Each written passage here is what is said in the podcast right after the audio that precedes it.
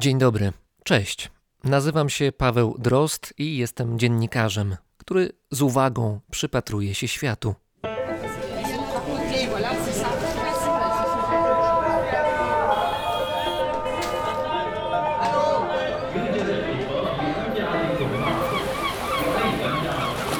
Brzmienie świata z lotu Drozda. Ten znak rozpoznawczy zabrzmi na początku każdego odcinka. Brzmienie świata z lotu Drozda to autorski podcast poświęcony podróżom oraz temu, co dzieje się na świecie, lecz niejednokrotnie umyka naszej uwadze. Będę omijał to, czym epatują pierwsze strony portali informacyjnych, po to, by skoncentrować się na tym, co jest w tle, ponieważ to tło właśnie i detale mają znaczenie. O ile oczywiście mamy ambicje, by ten świat lepiej poznać, by go lepiej zrozumieć. Krótko mówiąc, mój podcast to podcast z wrażliwością obserwujący otoczenie, czyli podcast światoczuły. Ten odcinek jest odcinkiem pierwszym, to wprowadzenie, no, można powiedzieć intro. A dla mnie osobiście to także pierwszy krok na nowej drodze, którą od teraz będę podążał. Na pewno część z Was zna mnie, powiedzmy, z poprzedniego życia.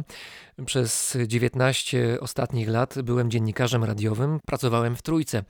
Specjalizuję się w szeroko pojętej, powiedzmy, tematyce międzynarodowej, dlatego w radiu mogliście słyszeć moje relacje dźwiękowe no, z różnych części świata z Butanu, z Haiti, ze Sri Lanki, z Papui Nowej Gwinei, czy choćby z lodowych pustkowi Antarktyki.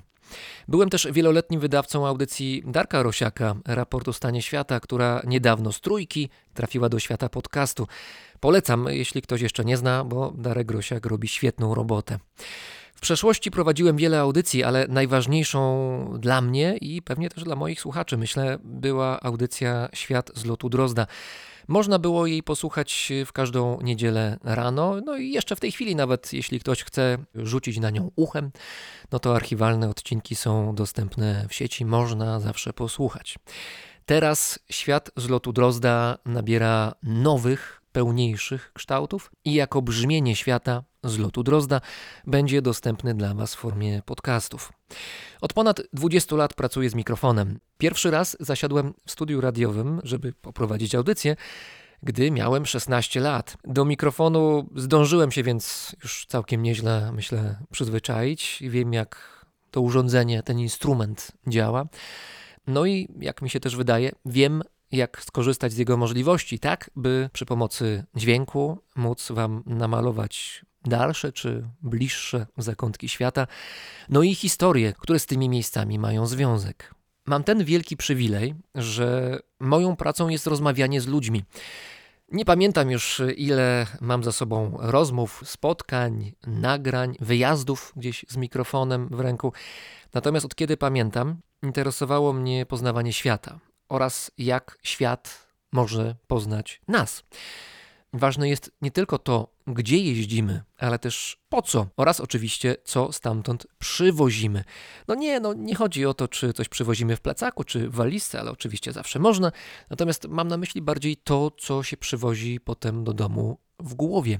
Ważne jest też to, jak dany wyjazd wpływa na zmiany w naszym sposobie myślenia.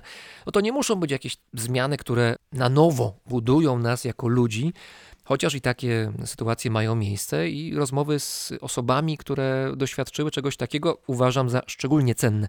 Ale mam na myśli bardziej zmiany, może niewielkie, ale wciąż istotne.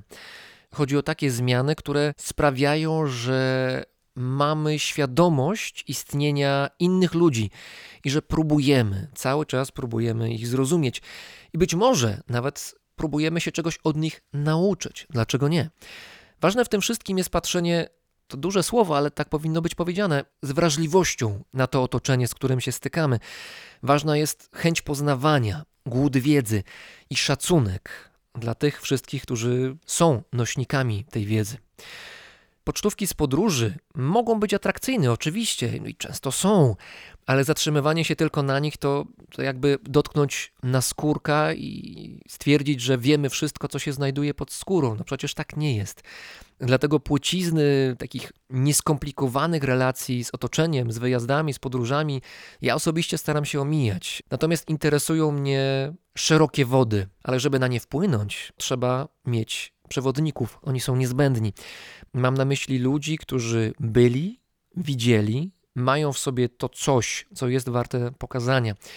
To oni byli gośćmi mojej audycji w Trójce przez te wiele lat, a teraz będą gośćmi mojego podcastu. To będzie podcast, który myślę, że się będzie wyróżniał pewną innością. Przekonacie się o tym wkrótce. Najszybciej zauważycie chociażby, że nie zabraknie w tym podcaście muzyki.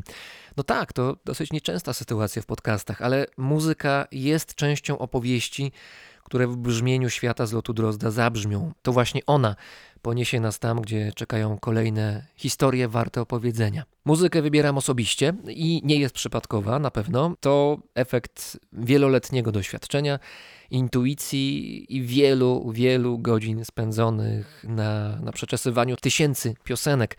Jestem pewien, że poznacie nowe brzmienia i na co liczę, nie jedna piosenka skradnie wasze serce. No tak jak te piosenki też kradną serce moje. Znajdziecie w nich energię świata, który wrze, który zmienia się, a przez muzykę daje znać o swoim istnieniu. Spróbujcie. Myślę, że nóżka będzie chodzić. Moi słuchacze, no ci, którzy dobrze mnie już znają, wiedzą, że wkładam bardzo wiele wysiłku, energii i pracy w to, co robię. Zarówno wtedy, kiedy szukam, a potem zapraszam moich gości do rozmowy, ale też wtedy, kiedy jako reporter ja sam ruszam w świat z mikrofonem, żeby nagrać brzmienie świata odpowiednio, to znaczy z rozmachem, z treścią i z tym pięknem, które jest gdzieś tam w świecie, tylko trzeba je odnaleźć. Z moich audycji mogliście dowiedzieć się o niemal utopijnych poszukiwaniach szczęścia w Butanie, o tym, jak przebiegały najciekawsze wyprawy podróżnicze w danym roku, o tym, dlaczego cynamon ze Sri Lanki różni się od cynamonu z Chin, albo chociażby jak brzmi pingwin, który ma katar. No tak, to właściwie jest jedno chyba z moich ulubionych nagrań. To było na wyspie Petermana, po zachodniej części Półwyspu Antarktycznego, po męczącym, no po prawie tygodniowym rejsie przez cieśninę Drake'a kiedy zrozumiałem, co oznacza poważna choroba morska, taka, która właściwie prawie potrafi zabić. Wiem, co mówię, przeżyłem, naprawdę. Możecie mnie cytować. Jestem wiarygodnym świadkiem własnej, własnej historii, która się tam wtedy na tym jachcie, na cieśninie Drake'a rozegrała. Kiedy cieśninę Drake'a już przepłynęliśmy, wtedy znakomity wyprawowy jacht Selma na którym płynąłem z niemniej znakomitą stałą załogą, ostatecznie zacumował w zatoczce, która odgradzała nas od, od wiatru i od fal z otwartego morza. Potem ta zatoka skądinąd bardzo miła i sympatyczna i spokojna przez pierwsze kilka dni okazała się dla nas poważną pułapką, ponieważ zablokowały nas tam właśnie w tej zatoce góry lodowe. Ale to jest opowieść na inną okazję. Przypłynęliśmy, zacumowaliśmy, no i byliśmy sami.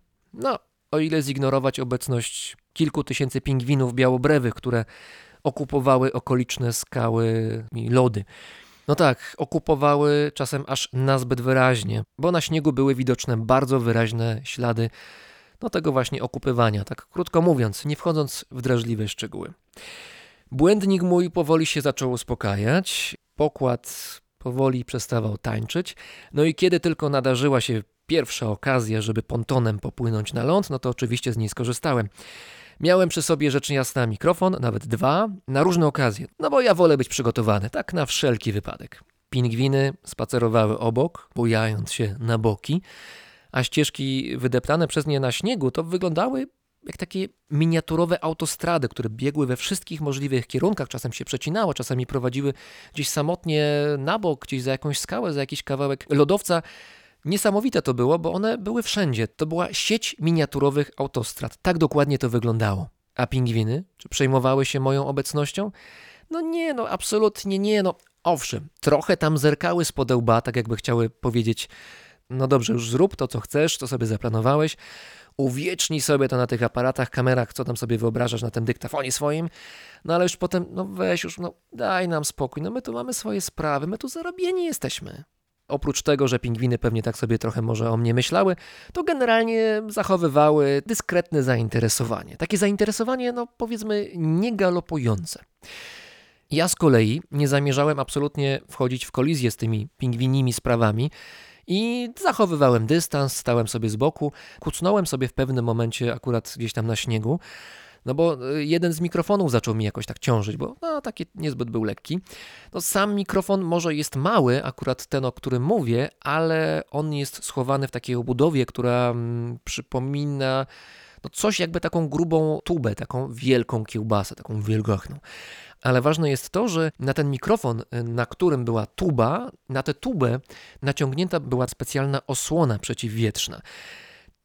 Puchata taka. My ją nazywamy, my dźwiękowcy nazywamy ją pieszczotliwie kotem, albo to jest kotek. Sztuczne włosie wystaje z tego na lewo i na prawo, na wszystkie możliwe strony.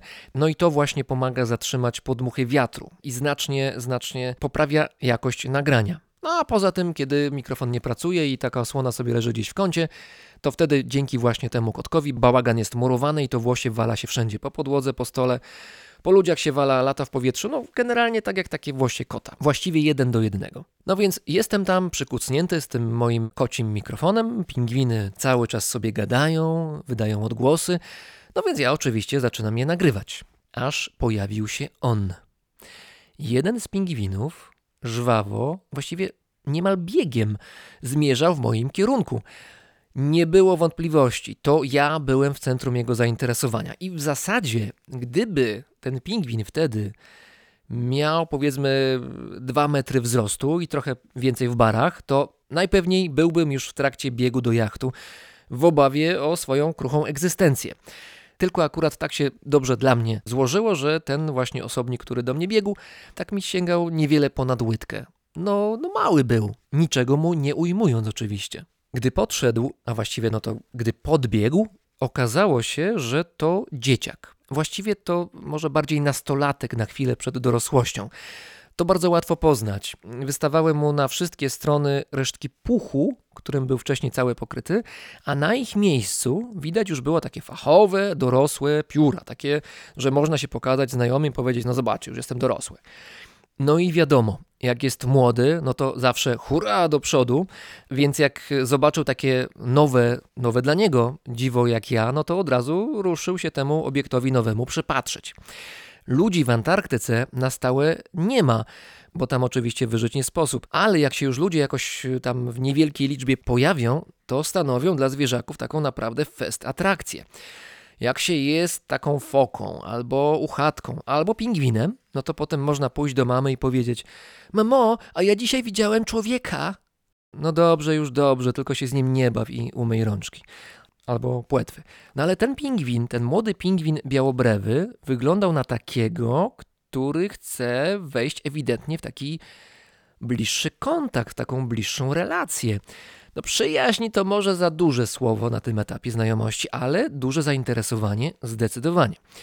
Podszedł do mnie, no właściwie podbiegł, ja momentalnie zastygłem, żeby go nie przestraszyć. A ten podchodzi i dziobie mnie w nogawkę. Raz, drugi raz. Było mu chyba mało, więc obszedł mnie tak dookoła tym swoim takim pingwinim chodem, tak bujając się na boki. Przypatrzył się nogawce z drugiej strony, no i znowu mnie dziobnął a potem zabrał się za sznurówki. Dosyć zaciekle z nimi walczył, ale no, nie udało mu się ich rozwiązać, no bo wiadomo, młody, jeszcze się sznurować sznurówki nauczy, rozwiązywać też, jeszcze wszystko przed nim. Aż tu nagle ten pingwin podnosi głowę, patrzy do góry, a tam duże włochate coś. No nie, to nie byłem ja, no chociaż faktycznie rzeczywiście ograniczona dbałość o higienę na jachcie, no nie ukrywam, no odbiła się jakoś na moim sporym zaroście, no ale bez przesady. Ten pingwin patrzył na mój duży mikrofon z tym kotem, z tą, z tą osłoną przeciwwietrzną, kocią. Zaczął się przyglądać mu bardzo, bardzo blisko, coraz bliżej, z bardzo, bardzo, bardzo bliska. No ja oczywiście się nie ruszam. Mam cały czas ten mikrofon włączony. To jest bardzo czuły sprzęt. Trwa nagrywanie. słuchawki na uszach i nagle... Wsie!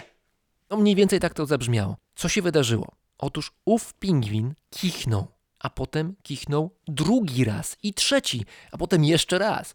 I te kichnięcia normalnie byłyby zupełnie albo prawie niesłyszalne. Gdzieś by tam zniknęłyby w szumie wiatru, zniknęłyby w szumie fal, które gdzieś tam się odbijały od gór lodowych, bo przypominam, byłem na wyspie, na wyspie Petermana i ta wyspa była otoczona właśnie takimi górami lodowymi i szum rzeczywiście zewsząd atakował. Więc kichnięcia tego pingwina właściwie nie powinny być słyszalne, no bo też przypominam, to był pingwin niedużego wzrostu. No taki pingwin o ograniczonych możliwościach akustycznych, no tak to trzeba powiedzieć wprost.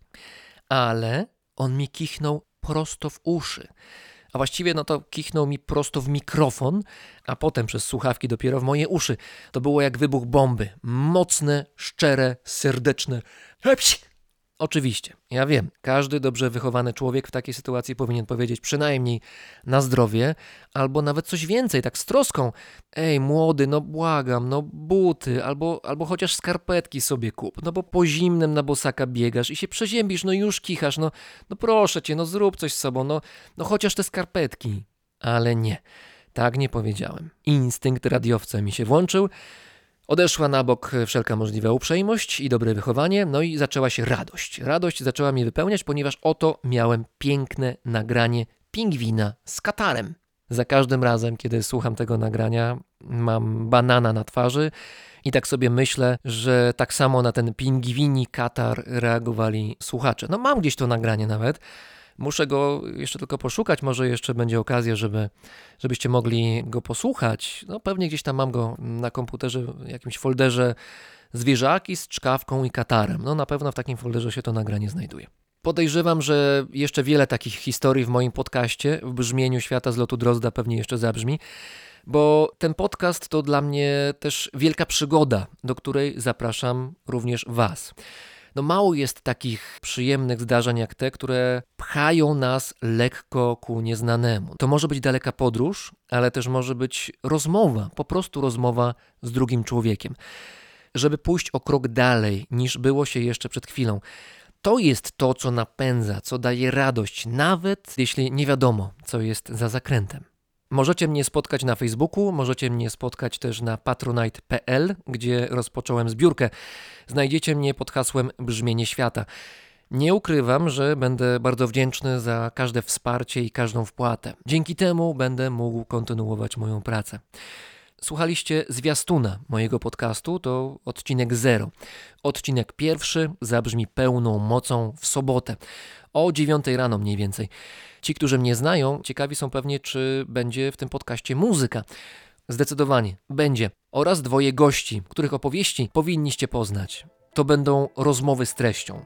Jak zwykle zresztą w brzmieniu świata z lotu Drozda. Dzięki za obecność. Paweł Drozd, czyli ja, Życzę Wam dobrego dnia.